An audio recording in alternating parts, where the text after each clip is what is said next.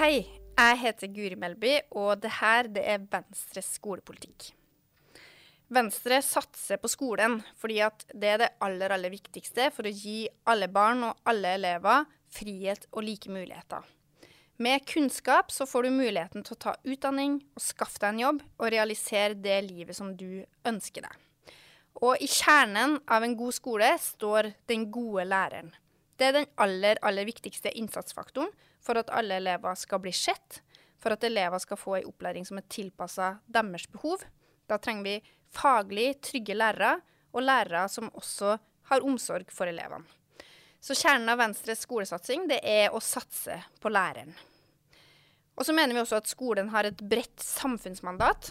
Eh, man skal selvsagt lære seg grunnleggende ferdigheter. Lesing, skriving, regning. Og man skal lære seg fag. Men man må også få en mulighet til å utvikle talentene sine. Oppleve mestring. Oppleve glede i hverdagen. Finne seg sjøl. Finne venner.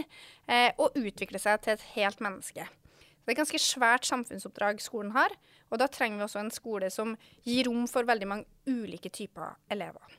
Og det er jo eleven som står i sentrum i skolepolitikken.